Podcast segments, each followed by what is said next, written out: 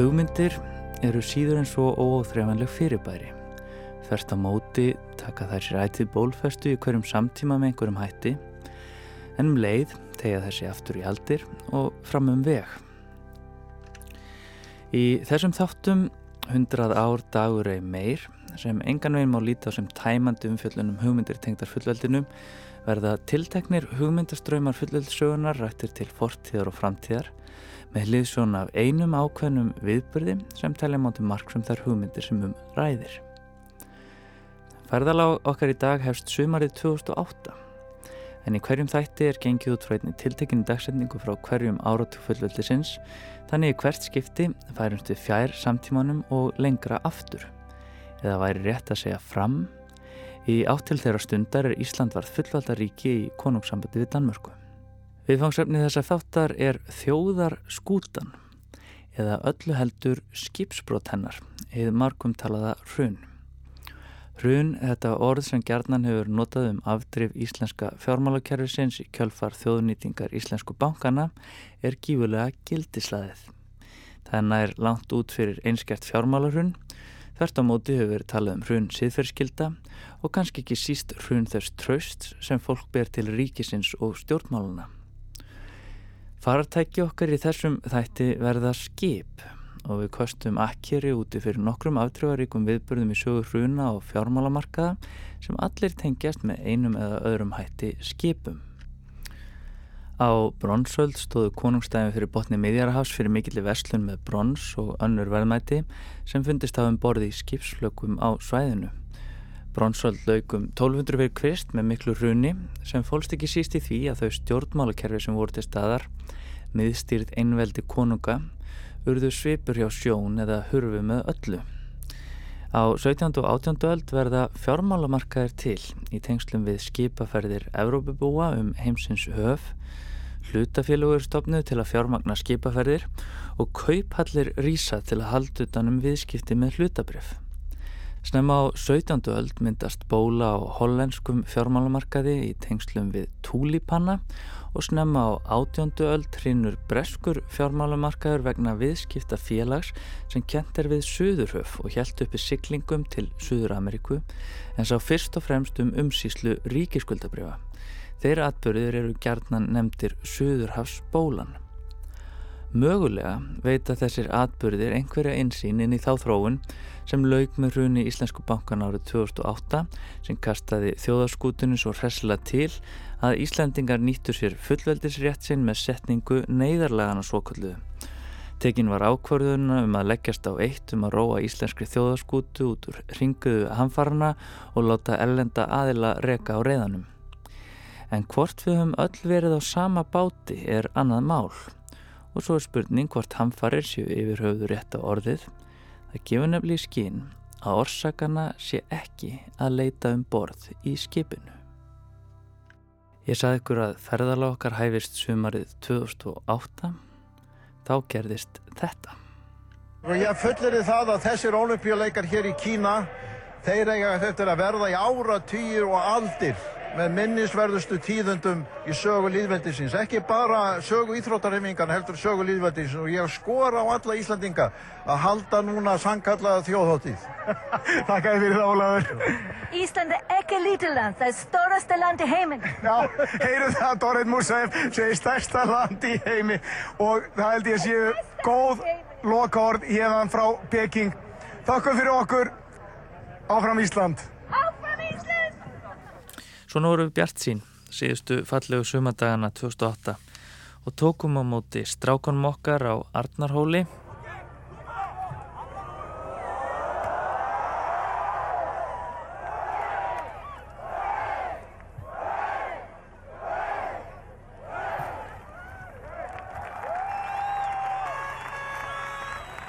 Það má ekki milli sjá hverju ánæðurum í hinna. Landslýðið er að mannfjöldin á Arnarhóli.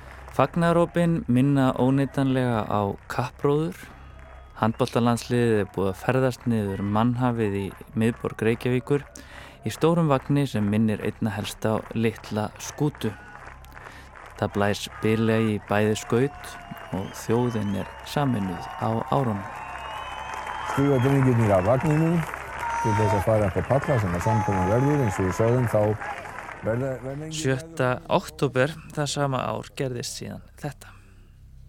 Góður Íslendingar, ég hef óskað eftir því að fá að ávarpa ykkur á þessari stundu nú þegar miklir erfiðleikar stæðja að íslensku þjóðinni. Þetta er þetta mjög eftirminnilegur dagur og eftirminnileg stund þessi mánudagur þar sem að Geirhorti flytur þetta ávarp og ég held að mjög margir muni vel hver þið voru stættir, ég man mjög vel hver ég var stött, ég var stött í Aldingishúsinu og ég var reyndar þeim tíma eh, aðstofum með Rutaríkisráþura og var þess vegna í stjórnaráðinu sjálfu um morgunin og vissi svona eitthvað af því sem að tilstóð þó að ég hefði reyndar ekkert séð þessa ræðu eða ég vissi hvað ég henni stóð fyrir en að ég hlusta á henni á sama tíma og allir aðrir. Kristrún Heimistóttir, lagfræðingur. Þetta voru náttúrulega einstakir dagar í, í sögu Íslands og, og þessir atbyrðir eiginlega allir sem að vissanhátt kannski þessi dagur markaði upp af, af sennilega mestu áraun sem að fullveldi Íslands hefur fengið á sig á síðari áratögum og kannski frá upphafi. Heimsbyggðin öll gengur nú í gegnum mikla fjármálakreppu og má jafna áhrifum hennar á bankakerfi heimsins við efnahagslegar hamfærir. Það var nú Guðni T. Jóhannesson og fórsett í Ísland sem að ég held að hafi eiginlega ráði úrslutum um það að þetta var heiti atbyrðana. Er að þetta var titillin á bók eftir hann sem heit Hrunið sem kom út hérna mjög, mjög fljótt og er raunin eins konar annáll, hann, hann talaði við fólk sem var í þessu og þetta er svona eins og annála rétt kannski meira heldur en vegna þess að það er eiginlega skrifað inn í miðri ringuðinni en hafði mjög mikla, mikil áhrif á, á svona sameilan skilning á Íslandi en er svona punktstaða frá þessum tíma þannig, þannig var þetta orð hrun svona eins og þetta var sko, sko, það, svona, bara allt hefði, allt hefði hrunni, það hrundi allt, sagði fólk. Eins og Kristrún Heimistóttir bendir á, þá er eftirvill ofstert til orða tekið þegar rættir um hrun. Hrun er svo myndrænt, það kallar fram hugrenningar tengsl við stórsögulega atbyrði eins og fall rómar eða fall tróju eða hrun vistkerfa. Hér er sennilega um að ræða þýðingu á enska hugtakinu crash sem er eiginlega rap fremur en hrun. Nú vil ég ekki gera lítið úr atbyrðum hrunsins þvert á móti en hugtaki hrun ber þess sannlega merki að vera valið inn í ringuðinni miðri. Stórir og stöndugir bankar, begja vegna allansafsins, hafa orðið kreppunni að bráð og ríkistjórnir í mörgum löndum róa nú lífróður til að bjarga því sem bjargað verður heima fyrir. Í verki listamannsins Lins Hadssonar má lesa ræðu Geirsá Horti í heilsinni en það er búið að feitletra myndlíkingar og orðaforða sem eiga rætur sína að rekja til sjómanna og starfa á sjó. Ásgeir Brynjar Torfason er viðskiptfræðingur við Háskóla Íslands. Það, það er mjög skýrt í, e, síðan í e, rauninu að menn fara að beita svona veðurlíkingum og, og sjómanna eða, eða ágjöf og, og skipsbrot og sógast í brimrótið. Og... Svo hætta er önveruleg, góðir landsmenn, að íslenska þjóðarbúið myndi ef allt færi á versta veg, sógast með böngunum inn í brimrótið og afliðingin yrði þjóðar gjaldtrótt. Og, og það er líka mjög tengt eh, svona úr, sem að maður sér úr sögum fjármálarhruna eða, eða, eða gjaldþróta stórfyrirtækja frægra að það er, það er alltaf eigendunum eða stofnendunum eða forstjórunum að þakka þegar velgengur og svo er það alltaf utanakomandi ástæður sagt, óveður eða óhöpp eða óhagstæðar aðstæður ytri aðila sem valdaði þegar ílægengur uh, og þetta er bara klassíst sagt, úr, úr, úr uh, maður getur séð þetta ofta en, en það var kannski í íslenskar rauninu greinilegt hvernig mann grýpa til rótana og sjómanna talsins og veður talsins til þess að skýra, reyna að skilja hvað verður að gerast. Á þann hátt með íslenska bjart síni, æðuruleysi og samstöðu af vopni munum við standa stormin af okkur. Guð blessi Ísland.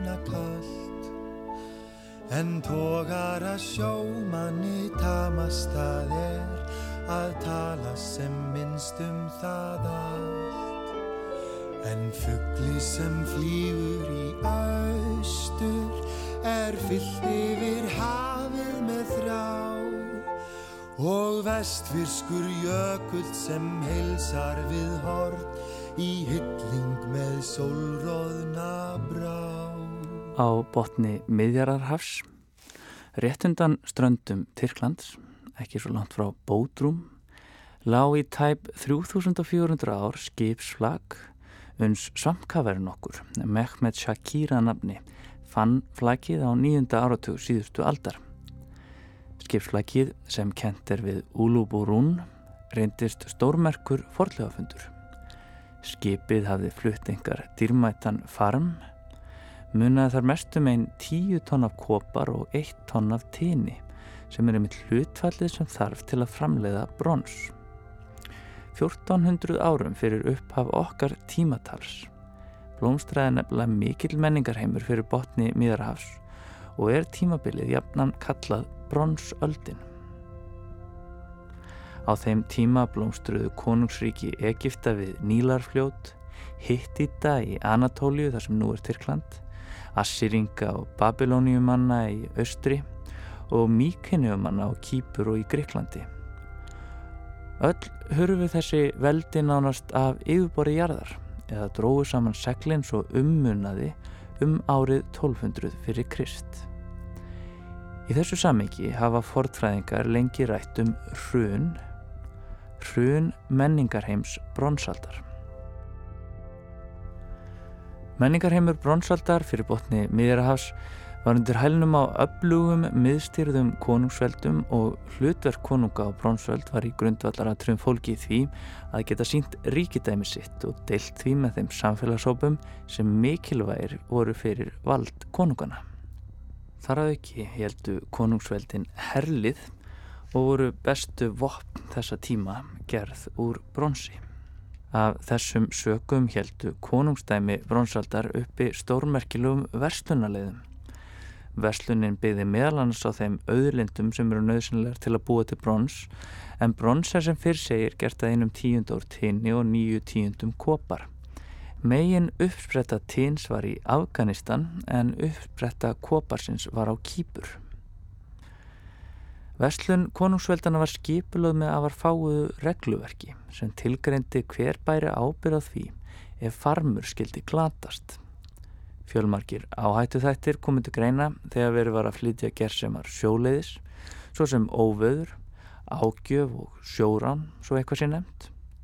Og milliríkja samningar gerði þið skil hvernig ríkin skildu bæta skada sem yrði á vestlunarleiðum. Á, á 14. öll þegar að, að í raun og veru bæði maður sko, e, skráir í fyrsta sinn bókaldsreglunar á Norður Ítalíu að þar verða e, til líka grundvöldur e, viðskiptabanka starfseminar þar sé að svona fræg, fræg bankahús fjölskelna með Dísibankin og fleiri þar sé að sem að e, byggjast á því að stöðla vöruskiptum á milli landana aftur er ég að færa þetta næri tíma en, en, mm -hmm. en, en í þína fórsögun en þetta byggir allt á sömu hugmynda menn, menn vilja stöðla að e, auðveldari og frjálsari viðskiptum en það, en það byggist á trausti, það byggist á að setja upp kerfi og reglur og einhvers konar já, samtryggingu á því þannig að, einmitt sjóræningjar eða einhvers konar hérna ofvildir aðilar og markaðanum skemm ekki fyrir. Að því að, að allir hafa hagað því að það sé verið að spila eftir sömu reglum inn, inn, innan, innan vallarins innan kervisins bara alveg eins og í siglingum komum með sér upp reglur svo að það sé á hreinu hvoru megin þú ótt að víkja eða hvernig skip eiga að mætast og, og hvoru er réttin því, því annars erum við alltaf að klessast á. Og ég held að það sé nú svolítið grunnurinn að þessu þess, þessari, þessari samvinnu og, og þessu uh, já hugmyndasögulega grunni af alþjóðlega viðskiptakerfun og hvort sem að maður ekkur að til brónsaldar krepna miklu engst á þar á milli eða, eða hrunsins núna nýlega að, menn sjá það flestir að svona, það, það sé betri hagur fyrir alla að hafa einhvers konar takmarkanir og sammeila reglur því þá er hægt að eiga auðveldar viðskipti og, og, og, og er léttara að byrja tröst til hins aðeins. Hér er gott að hafa í huga að verslun á bronsöld er svo sannarlega ekki á fórsendum hversum er og síst á fórsendum þeirra sem minnst eiga, rétt eins og í dag. Það er gerðan að tala um 99% og það má vel ímynda sér að stór hluti þeirra 99% hafi kannski einmitt verið að reysa píramíta á þessum tíma sem að verslun á bronsöld blómstrar. Eitt af vandamálum efnaðaskerfisins í dag er að sjálfsögðu fólki í því að svo margt af lífsnöðsunum fólks, húsaskjól, klæði og matur eru verðlögð og seld á opnum markaði.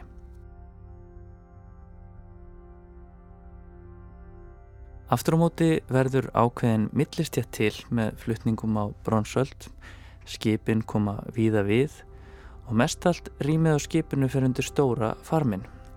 Þó eru ætið einhver hortn og hyrslur þar sem hægt er að koma fyrir ylvasklösum eða ódýrum munum sem efnaðri almenningur hefur efna á kaupa sér, rétt eins og raunin er með flutningarskip nútímans. En það þarf að leita langt fram í rás sögunar til að finna eins glæslegt skipsflag og það sem fannst við Úluburún því með falli bronsaldar hurfu konungsríkin sem borið höfðu upp í vestlununa eða dróðu verulega saman seglsín. Ímsar orsakir hafi verið týndar til til að skýra það af hverju konungsveldi bronsaldar hrundu. Hver svo sem ástæðinu fyrir því þá hefur gerna verið bent á að hrunið hafi fyrst og fremst náð til ákveðinar tegundar stjórnskipunar. Það sem hverfur eru miðstýrð konungsveldi, þar sem æðsta vald í samfélaginu er kyrfilega komið fyrir og konungnum sem öllu ræður. Þau menningarsamfélag sem taka við af konungsríkjum bronsaldar fyrir botni miðrahafs eru mörg hver eins konar líðræðis tilraunir sem byggja ekki jafnskýrt á hreinum valdapíramíta eins og konungsveldi. Í því samengi er aðþenna gerna nefnd þar sem ákveðnir hóparsamfélagsins frjálsir karlmenn nánartiltekið reðu ráðum sínum Þeir hlustendur sem heyrðu fyrsta þáttin í þessari þáttaröð munu eftirlil sjá að hér eru við komin á slóðir fullveldisins. Því þó hugtækið komið fram mun setna í sögunni, þá fæst það einmitt við að lýsa því hvar valdið í samfélaginu liggur. En áðurum við segjum skilið við fornaldir skulum við nema staðar við eitt skip í viðbútt sem varð grískum heimsbyggingum nokkuð hugleikið. Hinn góðsagnakendi stopnandi aðhennum, Theseifur sem sigraði Mínótárin frá Krít, var sagður hafa átt skip sem aðhenningar varðveittu eftir hans daga og heldu við um langa hríð. Þegar viðurinn í skipinu fór að fúna, tóku aðhenningar til þess ráðs að skipta viðnum út fyrir nýri við og fjöl fyrir fjöl var allt skipið loks endur nýjað svo ekki var einn einasti viðarplanki í skipinu frá tíma Theseifs. Þetta allir grískum heimsbyggingum miklum heilabrótum því þeir spurðu sig fyrst búið er að skipta út öllum fjölum í skipinu og ekkert af því er upprunalegt. Er skipið þá nokkuð skip þessifs? Svolítið merkilegt eh, til að vísa aftur í, í, í ræðuna hans geir sem varst að nefna. Hann segir þar að, að í svona umróti að þá hugsi hver þjóðum sinn hag og, og, og, og það er í svolítið anstöðu við lærdómin á kreppunum miklu því þegar að mann fóru hver að hugsa um uh, sinn hag og að setja upp múra og tollamúra og að höfta viðskiptum í landa þá töpuðu allir á því. Já, aðstæðan sem þessum hugsar auðvitað hver þjóð fyrst og síðast um sinn eigin hag. Jável stærstu hagkerfi heims eiga í tvísýtni baráttu við afleðingar kreppunar þegar mann trúa einfallega á reynd frelsi markaðana muni leysa allt að það sannaði sig í alþjóðlega fjármálarsunum að þá eh, hrundið undan eigin þunga þessi og það varða bjargaði með ríkisaðgerðum. Það var engin engaðili sem gat bjargaði. Það var reynd að fá Warren Buffett ríkastamann bandaríkjan til að kaupa Berstörnsbankan og hún var bóðið alveg nýri í 1-2 dólar á hlut sem var mun minna en bara verðmætti höfustöðabankans en, en, en þegar að e, panikið er hvað mest þá er enginn til í að kaupa nema e, mögulega er ríkisjóð til í að bjarga mögulega þeim hlutabankakerfi sem er inn í staðunar innanlands. En maður horfið til aðgerða Sæðlabanka um allan heim eða, og, og fjármálaráðuneyta um allan heim við fjármálarhunnu 2008, alþjóðlega fjármálarhunnu, að þá, þá unnum en saman í því að passa upp á það að kerfin myndi hreina. Ég menna bandarækjumenn lánuðu gífurlega fjármánni til að bjarga evrópska kerfinu og Og, og það byggist á því að selbankastjórun þar, Ben Bernanke, hafði ymmit skrifað dóttórsitger um krepuna miklu og menn hafðu þó lært að gera ekki sumum mistök. Íslensku bankarnir hafi ekki frekar en aðrir alþjóðlegir bankar væri varlhlut af þessari miklu bankakreppu og staða þeirra nú er mjög alvarleg. Það sem gerist þetta kvöld, 7. oktober 2008, er að alþingi samþykki neyðarlög sem svo voru nefnd síðar. Þau voru ekki nefnd neyðarlög þegar þau voru sett en það var svona þau, þau heiti sem festist við þessa lagasetningu. Og í þessari lagasetningu fólst að, að það var rauninni slegin ringur um íslenska fjármálakerfið. Það er að segja að, að það var verið að verja íslenska hagsmunni á kannski kostnað erlendra hagsmunna. Mikil sóknarfæri sköpuðust þegar aðgengið að lánsfi á erlendu mörkuðum var í hámarki og bankarnir ásand öðrum íslenskum fyrirtækjum nýttu sér tækifærið til sóknar og útrásar. Fuck the foreigners voru þessi lögkvallið að það er að láta, láta útlendingarna setja uppi með það sem úti frýs vegna þess að staðan væri svo slæm og það yrði að bjarga eh, við getum bara bjargað okkur vandin verður til þegar að alþjóðavæðing fjármálakerfisins er onn svo stór og svo það að menn enga væða bankakerfið eh, þannig að það er komið í, í hlutafélaga form þar sem er, er takmörkuð ábyrg hlutafanna og í, í eigu engaðila e, og, og svo nýta menn sér eins og geir minnist á ræðunni hinn miklu og auðvelda aðgang að lánsfjö á alþjóðlegu markaðum. Hann, hann notar íþróttamál þar að tala um að nýti sér það sem sóknartækifæri. Eh, en eh, og, og, og blása þar með í, í hérna, bóluna ef svo má orðið komast með því að blása kerfiðu upp þannig að það er orðið tífald eða tólfald landframlæslan. Nú skulum við aðeins staldra við. Því hér verður áhugavert að leiða hugan aftur að skipi Theseus. Það var skipi sem aðþenningar heldur við. Laungu eftir að Theseus var horfin á vit forfæðurna og skipið tók í tímansrás breytingum því fúnum fjölum var skipt út fyrir nýjar svo loks var ekki einn einasta upprunnulega fjöl í skipinu. Þessi dæmissaga er gerna nótu til þess að velta upp spurningunum samsemt um það hvort einn hlutur sé samur öðrum og það vandamál verður engar áriðandi snemma á 17. öld þegar fyrsta kauphöllin verður til í kringum viðskipti hollenska Östur-Indiafélagsins sem hafði aðsettur í Amsterdam. Hollendingar við upphaf 17. aldarinnar eiga það sameigilegt með konungum bronsaldar að gerðna stýra gripi af fjarlægum slóðum og Östur-Indiafélagi var stopnað árið 1602 með hlutafélaga formi. Í sjálfu sér var alls engi nýlunda að fólk geti keift sér hluti í skipum þegar lagst er í umfangsmikla sjóferðir til fjarlæra staða skiptir einmitt miklu máli að sapna saman fjársterkum aðlum til að fjármagna ferðina. En hollenska austur-Indiafélaginu er jafnan eignuðs og hugmynd að í stað þess að fjármagna eina skipaferð með hlutköpum þá er farið að semja við eigendur hluta um varanlega hluti þó allt hlut í félaginu. Í stað þess að þú leysir út þinn hlut þegar skipið hefur snúið tilbaka heil og höldnu áttur hlutabref í félaginu og þykkur arð af starfsemi þess. Ef þú síðan vilt selja hlutin einhverjum öðrum, þá er það allt í góðu lagi. En félagið heldur áfram sínu striki, skipin koma á fara og það tengist ekki kaupum og sölum á eignarhlutum. Þessi tvö atriði, að skipin landa annarsvegar og að skipst sé á eignarhlutum hinsvegar, skiljast að og hollendingar reysa sérstakabyggingu fyrir viðskipti með hlutabrif, kauphöll.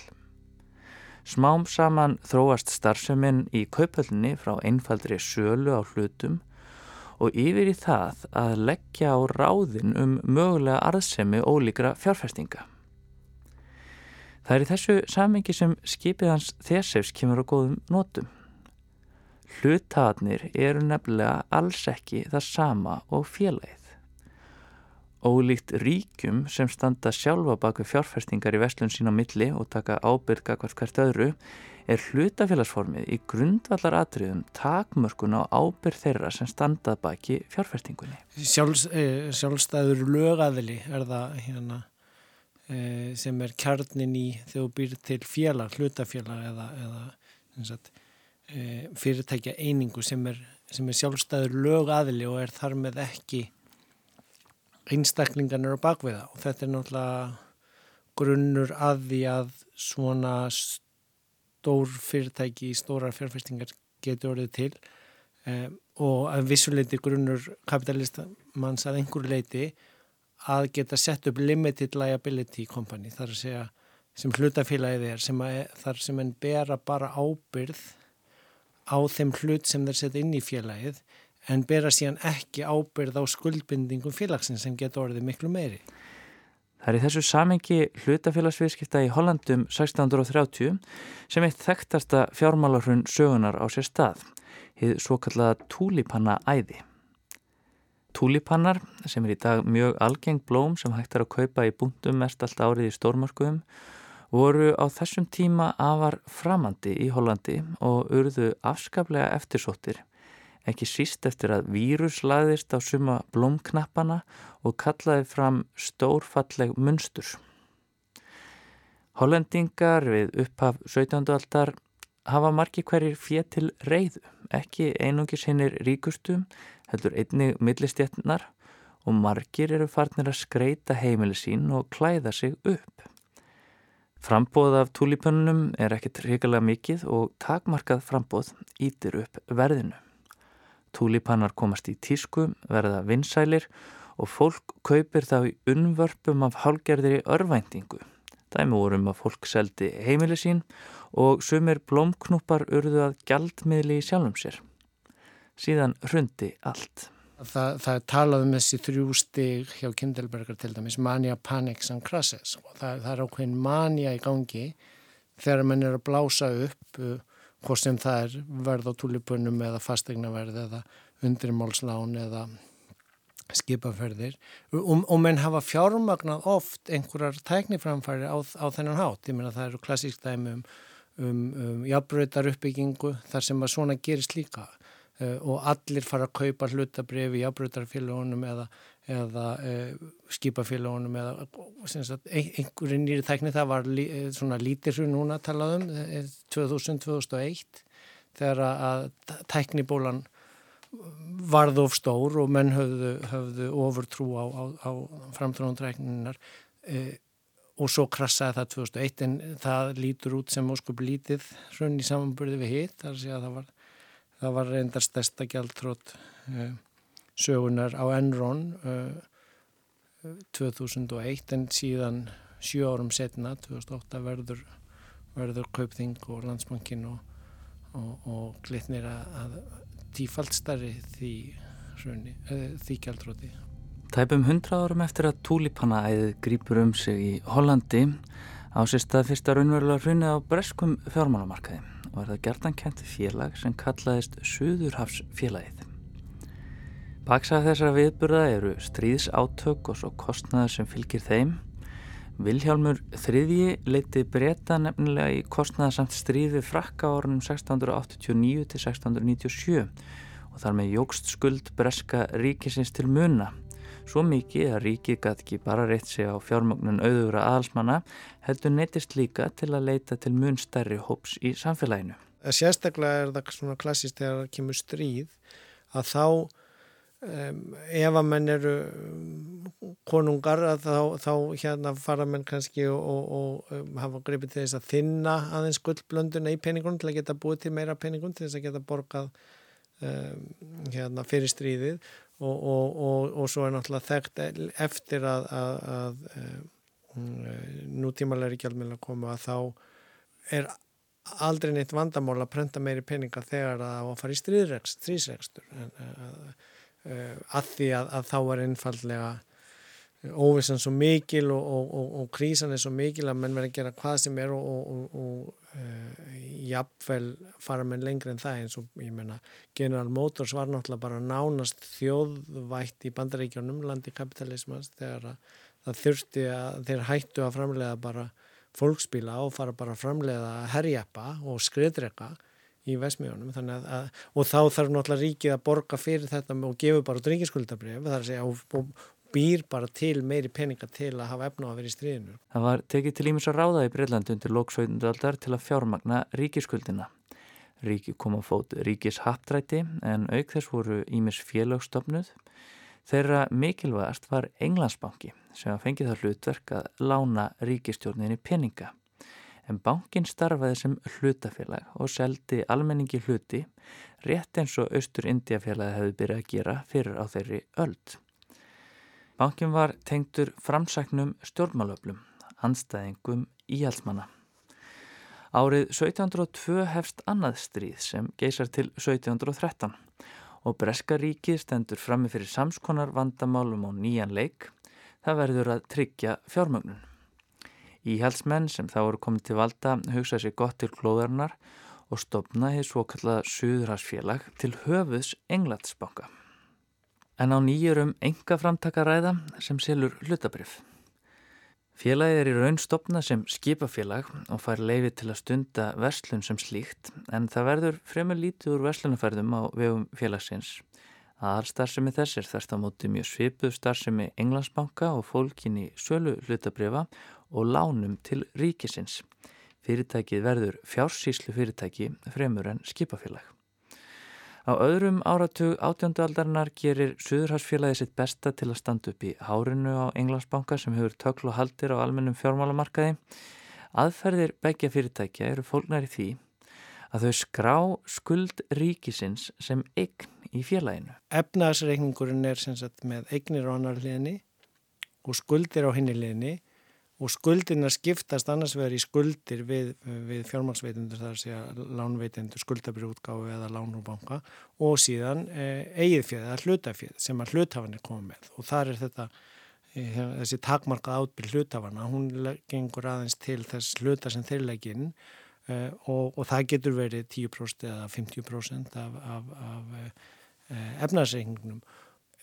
Það sem að í, í, í menn eru síðan að gera þarna úr dæminu sem nefnir og sátt sér að, að raun og veru menn eru að bjóða eh, eh, hérna menn eru að losa sér við ríkiskuldi með því að bjóða í staðin hluta í félaginu sem var þá í stopna af ríkinu og, eða, eða með ríkisleifi fyrir einhvers konar signingum og, og það, það er alveg hérna vissanótt þetta berða saman við banka.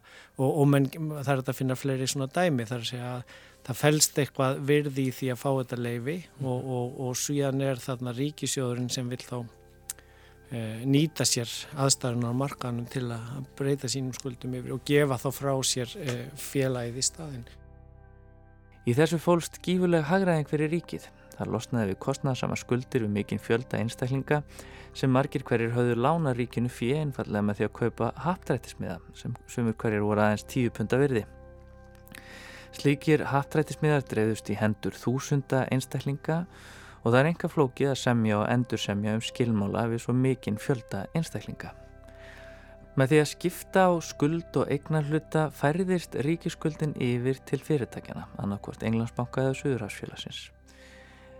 Þar með verður ríkiskuldin meðfærleiri. Kostnaður við ríkiskuldina lækkar og umstangið við bókaldanar færist til fyrirtækjana. Þetta er fyrirkomulag sem hendar félögunum engar vel, verið þeir eru aukast og þau eru að vera sér út um hagnað með nokkuð lítilli fyrirhöfn því þau hyrða vextina þeim lánum sem ríkið hefur tekið og þurfa lítið hann að gera hann að halda utanum hlutafélagsins. Allir hagnast, ríkið og félögin. Árin 1719 og 1720 verður síðan mikil breyting á starfsemi Suðurhagsfélagsins sem hafði hingað til rétt eins og Englandsbanki stundað þessi skipti á skuld og eignar hlutum í fremur smáum stíl. Skindilega eigst metnaðurinn til muna og Suðurhagsfélagi leggur á ráðin um að leysa inn alla ríkiskulduna sem þá er enn útistandandi fyrir eignarhluti í félaginu um 30 miljón punta. Ráðagerðin er samþýtt af tveimur ástæðum. Í fyrsta lagi líta breytar til frakka sem er að bralla svipaða hluti undir fórustu skota að nafni John Law. John Law er annarkvort óprútin fjárglæfra maður og áhættu fjárfestir eða einn gáðasti hafræðingur allara tíma Hann fór til Fraklands, tókst að koma sér í mjúkinni á franska aðlunum og skipulaði ímsar efnaðslega ráðagerðir til þess að losa frakkundan þeim erfiðleikum sem þeir strítu við. Að baki aðgerðum frakka og englendinga bjóðs og hugmynd að stríð væri ekki lengur háð á grundvelli stríðskensku eða stærðar herja, þvert á móti fælist velkingni stríði því hversu miklum pening þú gast sapnað. Það var haft að orðið að það veru breyðustu veskin, ekki breyðustu spjótin sem réðu úslitum og af þessum sögum er breytu mikið mun að gera allt sem í þeirra valdi stendur til að ná yfirhöndinni á efnagsviðinu. Emið þess vegna þótti ráðagerð Suðurhafsfélagsins svo físileg. Hín ástæðin fyrir því að þetta þótti físilegi ráðagerð var svo að forsvarsmenn Suðurhafsfélagsins voru afar lagnir við að greiða rétta fólkinu mútur Múturna fólust í raun í því að áhrifamiklir aðalar fengu ókipis hlut í félaginu sem hafði aftur þau áhrif að það komst í tísku að eignast hlut í Suðurhagsfélaginu. Ráðagerðin var í sjálfur sér ekki slæm hugmynd. Vissulega ætluðu menn sér um of en þetta var ekki algjörlega ný ráðstöðun eignarhluta. Akkillisarhæll ráðagerðinar var einu svo að skuldin sem verið var að skipta út fyrir hluti var á förstu gengi 100 pund Eftir því sem verðmæti hluta í fyrirtækinu jógsturta í færi hluti til að greiða niður skuldina, það týtti að eftir því sem að hlutabriða verð hækkaði þurfti að verja færi hlutum í að greiða niður skuldina og þá var hægt að setja fleiri hluti á frjálsanmarkaði í kaupallinni. Og yfir sumarið 1720 hækkar verðmæti hluta upp í um það byrj 1000 pundar hlut, skuldina greiðt upp og sífælt fleiri hlutabrið fara á markað. Um haustið fyrir fólk að spyrja sig hvert þetta geti leitt sé hort á hvaða starfsemi er að baki þessari miklu hagsveiflu, þá er lítið annað fólki í henni en fjárfestingastarfsemi og lítil von um viðskipti við Suður Ameríku. Þegar þetta rennur upp fyrir eigandum og fjárfestum, reynur markasverð fyrirtækisins bísna rætt, hlutabriðaverð reynur aftur niður um 200 pund á hlut innan nokkura vikna og fjöldi fólks tapar penning, sérstaklega þeir sem kiptu afar dýra hluti en jáfnframt eru margir sem hreinlega glata voninni um að auðgast. Ástæðan fyrir því að bankarnir gáttu blásið upp efnarsreiningarna sína svona, og orðið, orðið allt ínu tífald landsframlegsli Ísland. Var ekki svo að Íslandingar væru búin að græða svo mikið á fiski að álframlegslu að þeir ættu orðið tíu sunni meira pening og væru búin að spara þann pening inn í bankarnum og þannig geti bankarnir eh, farið að lána út á peninga heldur. Um, búa bankanir bara til þetta nýja peningamagn með því að gefa út skuldabrefin og, og innistæðina verður síðan til inn í bókaldskerfinu þannig að, að, að eh, efnarsreiningu sé jafnbáð megin. Og, og það, það er þessi, þessi alkemi að bankamannuna þar að segja að e, e, þú fattar það kannski ekki fyrir í hruninu að, að peningarnir sem þú setur inn í bankan og helst að væri öryggir þar að er, þeir eru ekki geimdir í bankanum. Heldur e, er innistæðan þín í bankanum er lán þitt til bankans. Það er að segja aftur kemur þetta efnarsreikningnum á skuldalið bankans er peningarleg þín inn í bankanum. Innistæðan þín er á skuldalið bankans af því að það er raun og veru lán bankans frá þér. Á eignarlið efnarsækningsbankans eru lánin, semst útlánin þeirra. Þar að segja ef að þú færð húsnæðislánin hjá bankanum sem er á skuldaliðinni á þér og peningainistæðan þín er á eignarliðinni á þér að það er nákvæmlega í speil hjá bankanum. Þar að segja lánið er eignin uh, en, en innistæðan er skuldin. Og þess vegna eiga menn enn auðveldara með í böngum heldur en í annars konar fyrirtækjum eins og skipa siglingafyrirtækjunum eða, eða, eða túlipaframleyslinni að menn eiga enn auðveldara með að blása til bólunar og, og þennja út ef að það er ekki hömlur á það með reglum eftirliti og, og, og sem er og hefur alltaf verið grundvöldur all, all, alls markastarfs þar að segja markaðurinn getur ekki verið viltur hann verður að vera reglubundin það, og, og þar, það, það er þess vegna sem að, að, að um, uh, fullkomi frjálsræði markaðins er eh, oxymoron, hvernig sem að segja, það, það er uh, hugdagsyngingur í gjöp, það, það verður að vera leikreglur á markaðinum til þess að markaðinum virki sem markaður. Góði landsmenn, Ríkistjórn Íslands, Sæðlabankin og fjármáleftilitið hafa síðustu daga og vikur unnið baki brotnu að laust á þeim gríðarlegu erfileikum sem stefði að íslensku bönkunum í góðu samstarfi við þá sjálfa. Ég vil taka af öll tvímæli um að innstæður Íslendinga og sérregnarspartnaður í íslensku bönkunum öllum er tryggur og ríkisjóður mun sjá til þess að slíkar innregnir skilir sér til sparifjáreiganda að fullu.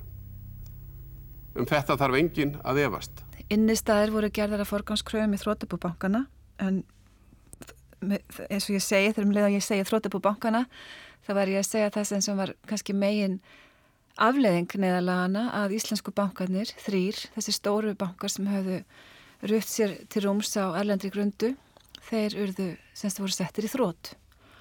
Þannig að það voru ótalmarkir erlendir kröfuhafar einsum gerðum og auðvitað líka innistæði eigundur sem að voru í óvissu sem að hérna urðu fermtrisleiknir yfir þessari aðgerð íslendinga. Af hálfu ríkistjórnarinnar hefur allt kapp verið lagt á að íslensku bankarnir seldu erlendar eignir sínar og minkuðu umsvip sín svo að íslenska ríkið, svo smátt í samanbörði við íslensku bankana, hefði bólmagn til að styðja við bakið á þeim. Og viðbröðum heimsins voru geysilega hörð og það þekk ég mjög vel vegna þess að ég var á þessum tíma í Öturíkisræðandunu og, um, og uh, síðan auðvitað bætast við uh, bankakreppur þvert á landamæri eins og það heitir á fagmáli eða cross-border banking crisis þar að segja eh, þrægast af öllu náttúrulega æsefmálið en það voru sagt, innistæði eigandur í, í íslenskum hérna, sem hefðu lagt fyrir inn á íslenska rekninga eða rekningi íslenskum böngum skulum við segja sem ekki hafðu aðgang á sínu fyrir og urðu skjálfingu losnir og eitt af því sem ég tók þátt í í utryggsræðandunum var að opna neyðalínu þar sem var tekið á mati símtölum og þar eruðu við að koma upp sálgæslu fyrir, fyrir Íslandingana sem tóku símtöluna því að það voru dæmi um uh, fólk hótaði sjálfsvíi og svo framvegist. Þannig að þetta var, það má ég að segja að þetta hafi verið, á þessum tíðanpunkti má segja að þetta hafi verið einstæmi í sögu Íslands og síður tímum vegna þess að upplifun útlendinga af okkur var svo að Íslandingar var að fara með meingjörð og hendur öðrum heldur, heldur almenningi í öðrum löndum og þetta voru náttúrulega hundru þúsunda sem áttu þannig hlut. Ég mun nú á eftir mæla fyrir frumvarfi á alþingi sem mun gera ríkisjóði kleift að bregðast við því ástandi sem nú er á fjármálamörkuðum. Verði lögin samþitt í dag má gera ráð fyrir að þessar heimildir verði virkar strax í kjölfarið.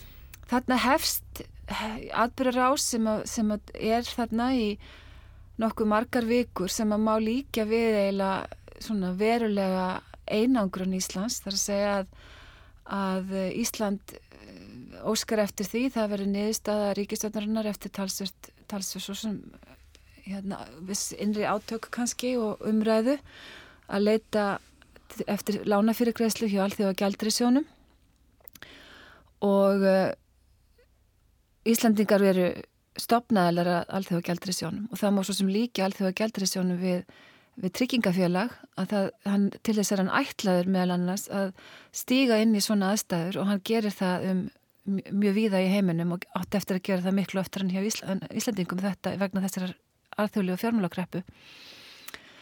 En um, bæðir það nú það að margi litur svo á að það væri í sjálfu sér framsála fullveldi eða jafnvel afsála fullveldi að fara til alþjóða gældrisjósins og svo hitt að það sem gerist er það að breytar og hollendingar sem voru aðal, aðilar að þessu æsefrekningamáli beittu sér í, stjórn alþjóðagjaldur í sjóðsins til þess að hindra það að Íslandingar fengju sína umsókn afgreita án þess að á sama tíma að viðkenna að ríkinu bæri að, að eins og það var kalla að borga þessar skuldir.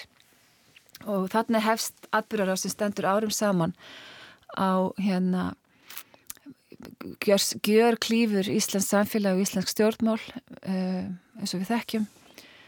Eh, um þetta mál verða tvær þjóðuratkvæða greiðslur og þetta mál er þetta reykja í, í smáatriðum en, en þarna þessa haustmánuði eða haustvikur skulum við kannski freka að segja að þá hérna, hefur þetta þau áhrif að, að, sagt, að Ísland sem þó þessi stopnaðili það færi ekki afgreita sína umsókn og, og hérna og endaði með því að, að Ríkisvöldin Íslands sagt, hafnaði þessum afarkostum og endaði með því að, að það var svona uh, fallist á, það var list samningsvilja af halvu Íslandinga og það dugði síðan til þess að koma þessu gegnum sjóðin og vegna þess meðal annars að það voru ímistar aðra þjóður heldur en breytar og hollendingar sem áböð þeirra framganga. Góður Íslandingar, mér er ljóst að þetta er verulegt áfall fyrir marga og það veldur okkur öllum bæði óta og ángist. Undir þeim kringumstæðum er afar brínt að stjórnvöld, fyrirtæki, félagasamtök, foreldrar og aðri sem geta látið gott af sér leiða, leiti allra leiða til að daglegt líf fari ekki úr skorðum. Hvað hefur þetta allt með fullveld að gera?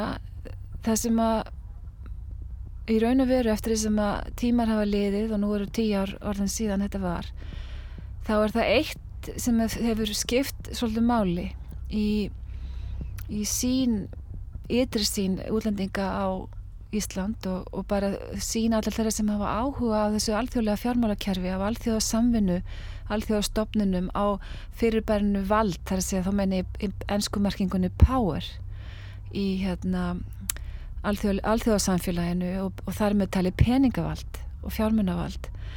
Það er það að Ísland skildi komast upp með þetta. Að Ísland skildi komast upp með neðalögin að, að þessar tvær þjóðuratkvæðagreislur um þessar samninga við breyta hollendinga um æsefreikningana skildu vera virtar eins og það er þráttur allt voru. Ísland getur komast upp með það líka og svo endanum vinna dómsmáli fyrir eftadómstólunum um, og síðan í þriðalagi að Ísland skildi líka komast upp með að setja gældurisöft sem var gegn allri hefð allþjóða gældris á þessum tíma og var rauninni svona vissanhátt miskosti hálgildigsbrot á EES-samningnum.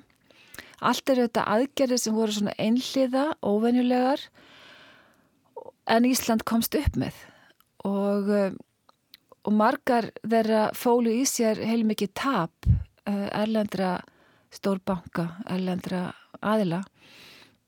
Og þess vegna var það líka stór þáttur í allir umræðum þessi mál hér heima á Íslandi óttin við það að þessi mótstæða þessar, þessi sjálfsvörn Íslandika myndi lega til þess að Ísland yrði eitthvað skonar lendi bara algjörlega á jæðri sem sagt yrði alveg hefði aldrei möguleika á að endurreysa sig myndi aldrei fá neina erlend lán myndi loka sig úti frá, frá því að vera sé að gjaldgengt í þessum nöðsilega peningastræmi heimsins sem að öll ríki verða geta sótt fyrir til útlanda og öll ríki verða geta átt í viðskiptum með sinni gjalderi og keft gjalderi af öðrum og svo framvís.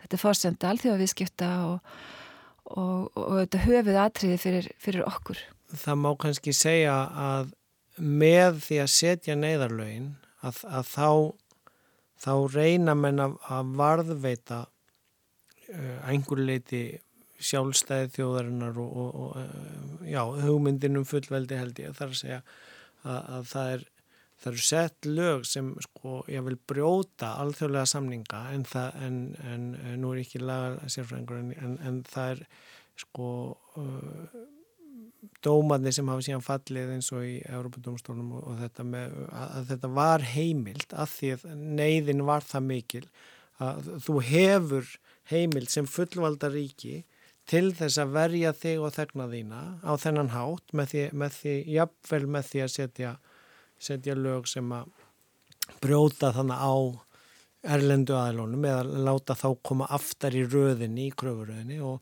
og, og það, það tókst sem er náttúrulega hérna ótrúlega gott fyrir okkur sem þjóð að það hefði tekist og ekkert kannski sjálfgefið Eh, að, að bæði að það hefði verið samþygt erlendis og ekki sjálfgefið að, að það hefði tekist að náðu gegn. Þannig ég held að, að, að setning þessara neyðarlega hafi tvímarlaust verið svona líkil atrið í því að, í því að, að við að, að við komumst í gegnum þetta hrun ekki meira brotin en, en við örðum sko.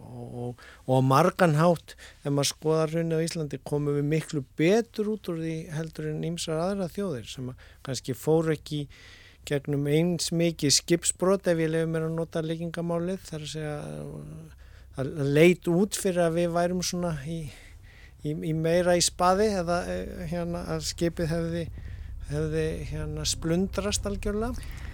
Í þessum þætti höfum við siltum heimsins höf í kjölfar þjóðar skútunar. Við skoðum skipsflag við Úruburún og verslun Bronsaldar upp af hlutabriðaviðskipta í kringum syklingar austur Indiafélagsins frá Amsterdam og afdrif Suðurhagsfélagsins í London. Og svo saði frá flegi Thesefs Hörmungar hrunsins og svo mótbyr sem Íslandingar uppliðu gefa ofti kynna við sum öll um borð í sama bátnum. En er það endilega svo? Getur ekki verið að hluti þjóðarinn að sé á sama bátnum um borð í skipi þessef sem er alltaf samt í sig, sama hversu oft það er endur nýjað. Svo eru það hinnir sem hefða til að stíða upp í skip sem við höldum að sé skip þessefs en svo skiptir það bara um kennitölu á leiðinni. Segir velkomin heim, segir velkomin heim, þau verma hinn föguru orð. Sértu velkomin